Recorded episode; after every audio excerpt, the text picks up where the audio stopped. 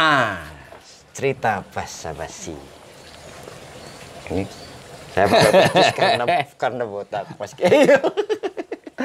Oke. Jadi kalau pakai peci kan wah, kelihatan iya, lebih benar, ganteng. benar, benar, Nah, benar, benar. Gini loh Mas Kiai. Jadi kan menjadi orang kaya itu kadang-kadang nggak enak. Ya saya Gitu ya. saya ya saya belum pernah menjadi orang kaya. Tapi denger-denger gitu. Jadi banyak diomongkan. Oh gitu. Oh, dan selalu saja ada orang yang iri. Hmm. Nah, iri kemudian cemburu. Ya, ya. Oh. Nah, kalau orang yang namanya iri dan cemburu itu kan bisa berbuat macam-macam. Betul, betul. Termasuk menyebar fitnah. Fitnah, ya. Oh, bahwa orang kaya itu medit. Kan bisa di di apa difitnah begitu. Iya, iya, iya. Yang paling mengerikan orang kaya itu oh, memelihara tuyul. Hmm. Aneh-aneh. Nah, ya pokoknya apalah yang kira-kira bisa menjatuhkan. Nah, ini ada sebuah cerita. Iya, iya. Acara kita kan acara cerita. Iya, iya. Nah, Oke. Ada sebuah cerita. Ini tentang seorang penggembala kambing yang punya 10 ekor kambing. Iya.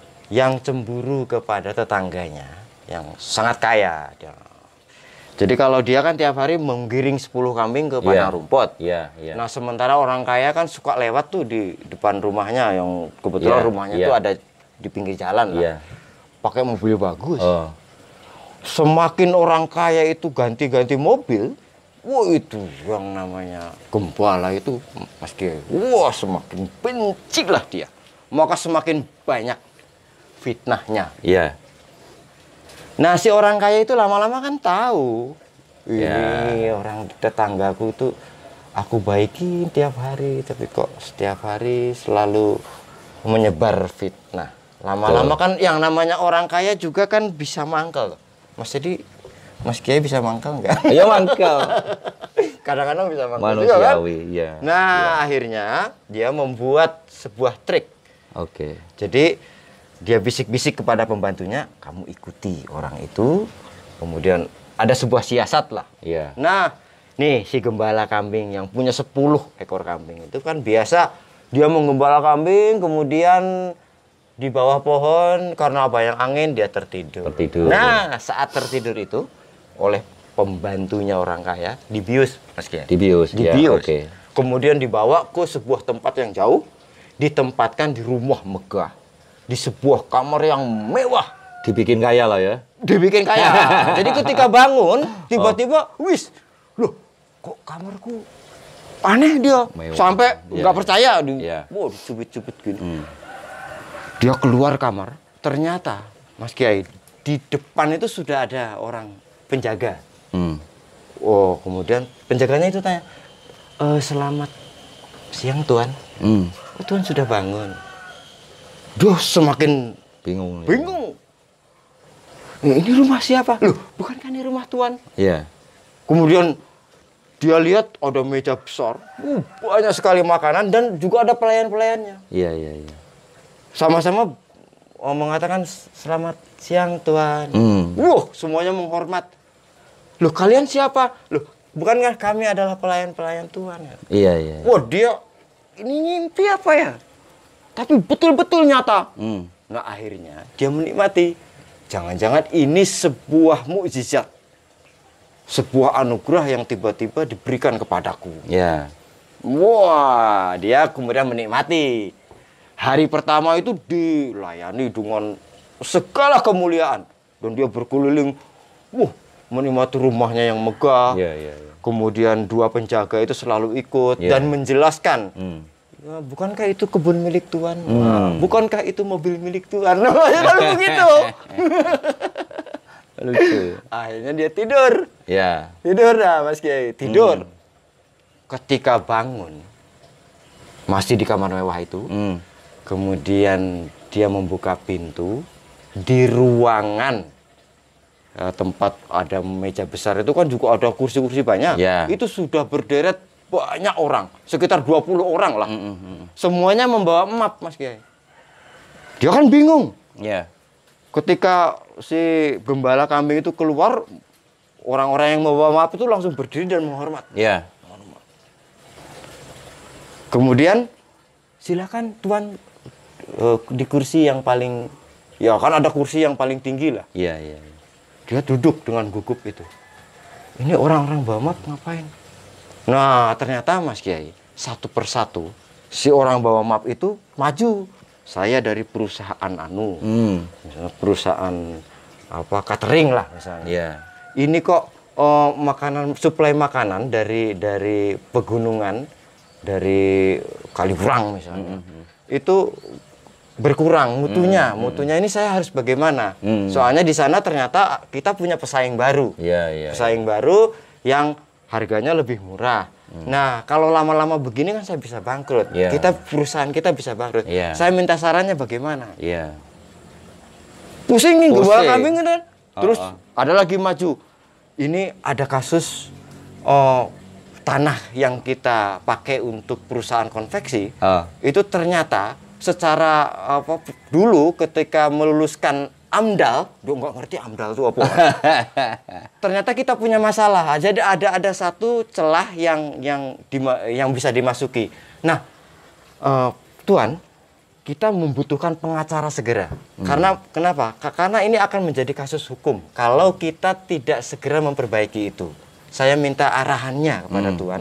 Bagaimana ini eh, eh, kira-kira pengacaranya siapa? Kemudian karena ini akan menjadi kasus hukum. Pusing. Terus yang satu bawa map lagi tiba-tiba mengatakan ini ekspor kita oh, buah-buahan yang kita produksi terhambat gara-gara kebijakan baru, aturan baru di pelabuhan. Ya. Nah, ada pasal segini-segini dia ngomong tentang perdagangan. Eh, saya minta sarannya bagaimana kita mensiasati itu. Mumet lagi. Oh, kan nampaknya kita memerlukan sebuah lab untuk menguji apa eh, kebersihan dan Iya, segala iya. kelayakannya untuk memenuhi pasal ini. Nah, saya minta sarannya bagaimana caranya. Pusing lagi. Tuh yang satu bilang, ini kita oh, punya kasus hukum nih. Ternyata perusahaan perusahaan kita yang yang ada di sana itu eh, ada beberapa warga yang yang belum selesai. Jadi masih menolak. Nah, ini mereka menuntut ke pengadilan. Nah, kita ini bahaya. Kalau ini tidak segera diselesaikan eh, akan diseret ke ranah hukum dan Iya, bapak iya. dan bapak dan tuan tuan terpaksa itu kalau sudah berurusan dengan ini persoalannya agak gawat. Jadi tuan nanti bisa dipenjara. Pusing, makin pusing. Dia sakit kepala. Kamu kok ada 20 masalah. Iya. Dan dia sama sekali tidak bisa mengarahkan satupun. Kiai. Dengan rasa pusing terhuyung-huyung, dia inget pengen tidur kan. Kok biasanya kan tidur. Pengen tidur ke kamar, tidurlah dia dengan kepala yang sakit. Hmm. Nah saat tidur itulah kemudian dibius lagi. Ya. Dikembalikan ke Bawah pohon. bawah pohon. Begitu dia bangun Mas Kiai. Kisik-kisik dia bangun. Uh, di bawah pohon asik sekali. Ternyata pekerjaan menjadi gembala kambing itu luar biasa enaknya karena nggak nggak usah mikir. Betul, betul. Nah, kita akan ngobrolin Betul. soal moral dari cerita ini bahwa Iya, iya, iya. menjadi orang kaya ternyata kan tidak mudah. Betul. Nah, sekarang Mas Kiai misalnya Hmm. punya banyak, punya berapa uh, uh, karyawan? Punya Ya. kira-kira berapa Ya, mungkin perusahaan? Ada 200-an lah. 200-an karyawan. Hmm. Itu kan artinya 200 masalah. Nah, coba coba ceritalah. iya, iya, iya. Gimana itu? Betul. Eh, tentu saja berurusan dengan satu orang, Ya, masalahnya satu. Berurusan dengan 200 orang, 200 Ya, masalah. kan 200 masalah kan? Sebab setiap orang punya latar belakang, pergaulan, keluarga, Hmm. pendidikan, kepentingan, kebutuhan, dan sebagainya, dan sebagainya gitu loh ya. Nah, ketika saya bikin sebuah bisnis baru, di sebelum bisnis ini berjalan, saya sudah tahu bahwa saya akan menghadapi masalah-masalah baru beserta orang-orang baru dan segala masalah mereka, gitu ya.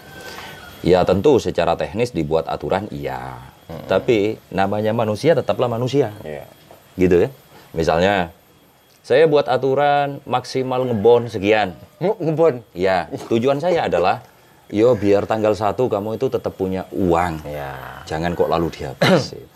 Tapi ya namanya manusia kadangkala dengan berbagai ceritanya, kasusnya, lalu ini tak terhindarkan. Melampaui itu dan sebagainya. Pada derajat tertentu daripada daripada ini jadi sebuah kerumitan buat saya dan buat dirinya, ya udahlah saya selesaikan, saya nolkan misalnya. Begitu ya. Nah, ini menyelamatkan banyak hal. Poinnya adalah baik dalam cerita si penggembala kambing tadi ataupun orang kaya yang bisa menyelesaikan semua itu hanya satu kata bersyukur bersyukur. Maka dikatakan misal gini sebenarnya kita ini semua kita ini ya oleh Allah itu diletakkan di kotak masing-masing. Kotak yang paling tepat terbaik buat diri kita saat ini kita nggak tahu di masa depan ya.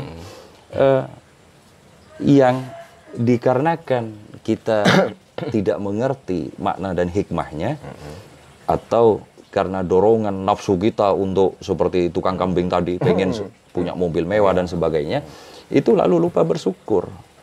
Contoh sederhana gini bah kita bisa ngobrol ketawa-ketawa gini ngopi sore ini ini kalau direnung-renungkan ini sebuah nikmat yang dahsyat luar biasa.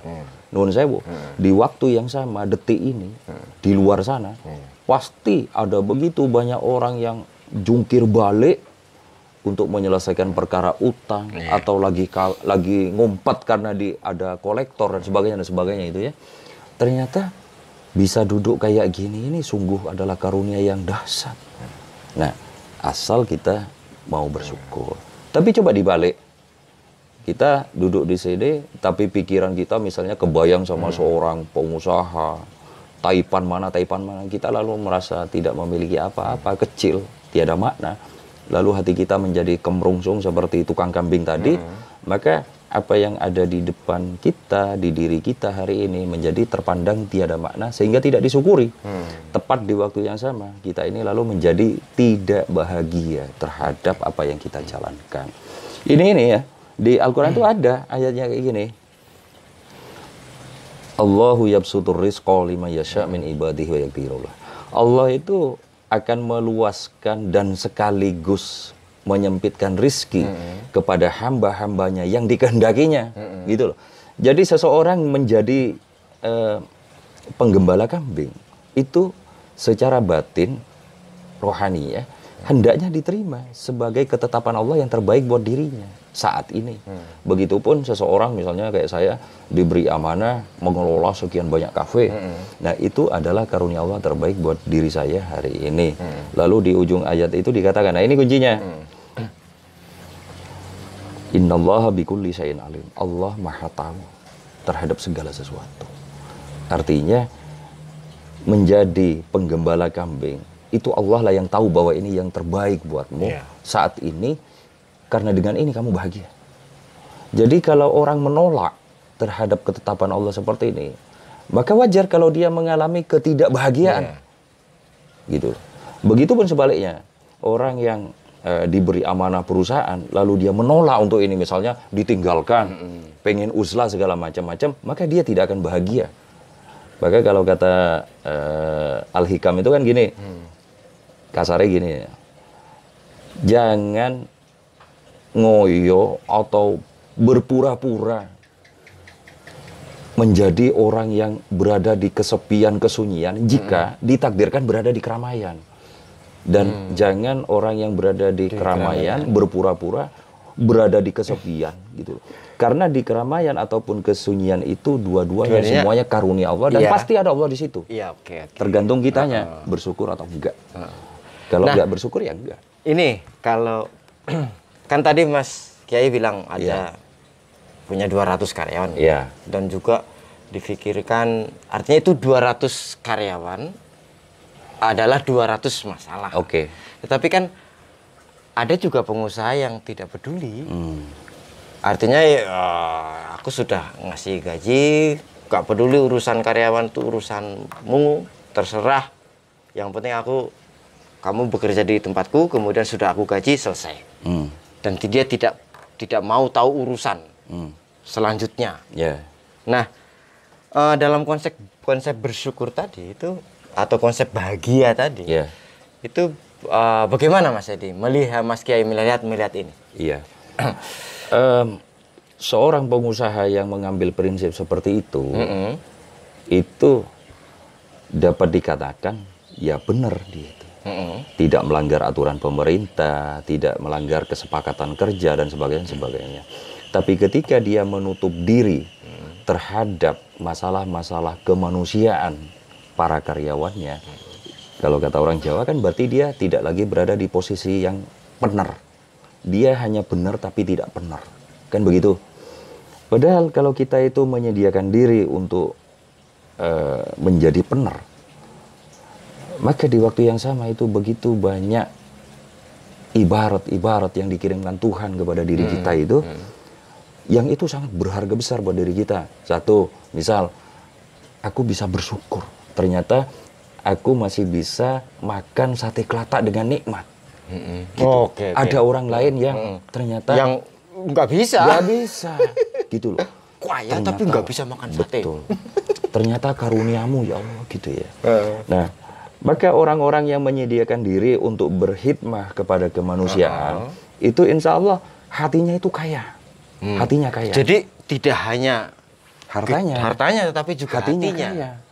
Maka ketika hatinya seorang pengusaha kalau hatinya kaya, Kaya. Hmm. dia nggak akan semata berpikir time is money, gitu loh misalnya. Dia tidak akan berpikir bahwa eh, modal sesedikit mungkin, untung sebanyak Oh, mungkin. iya, oke. Dia tidak akan berpikir lagi bahwa eh, bisnis yang sehat adalah bisnis yang saya harus untung dalam setiap transaksi. Hmm. Tapi dia akan masuk ke ranah bisnis kemanusiaan Hmm. atau dalam bahasa Al-Qur'an disebut dengan hal adullukum ala tijaratin Hmm. tunjikum min adabin alim. Maukah engkau kutunjukkan satu bisnis dengan Allah Hmm. yang akan menyelamatkanmu dari azab dunia dan akhirat. Hmm. Itulah bisnis-bisnis kemanusiaan. Nah, Gitu. ini yang yang tidak Maka banyak. misal sederhana gini, buat saya, oke berbisnis itu cari untung.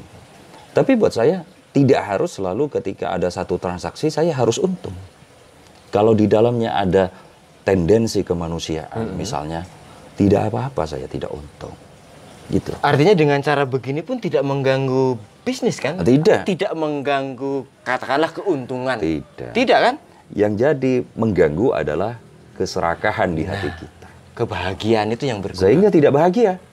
Ini Padahal mencari uang itu kalau untuk bahagia.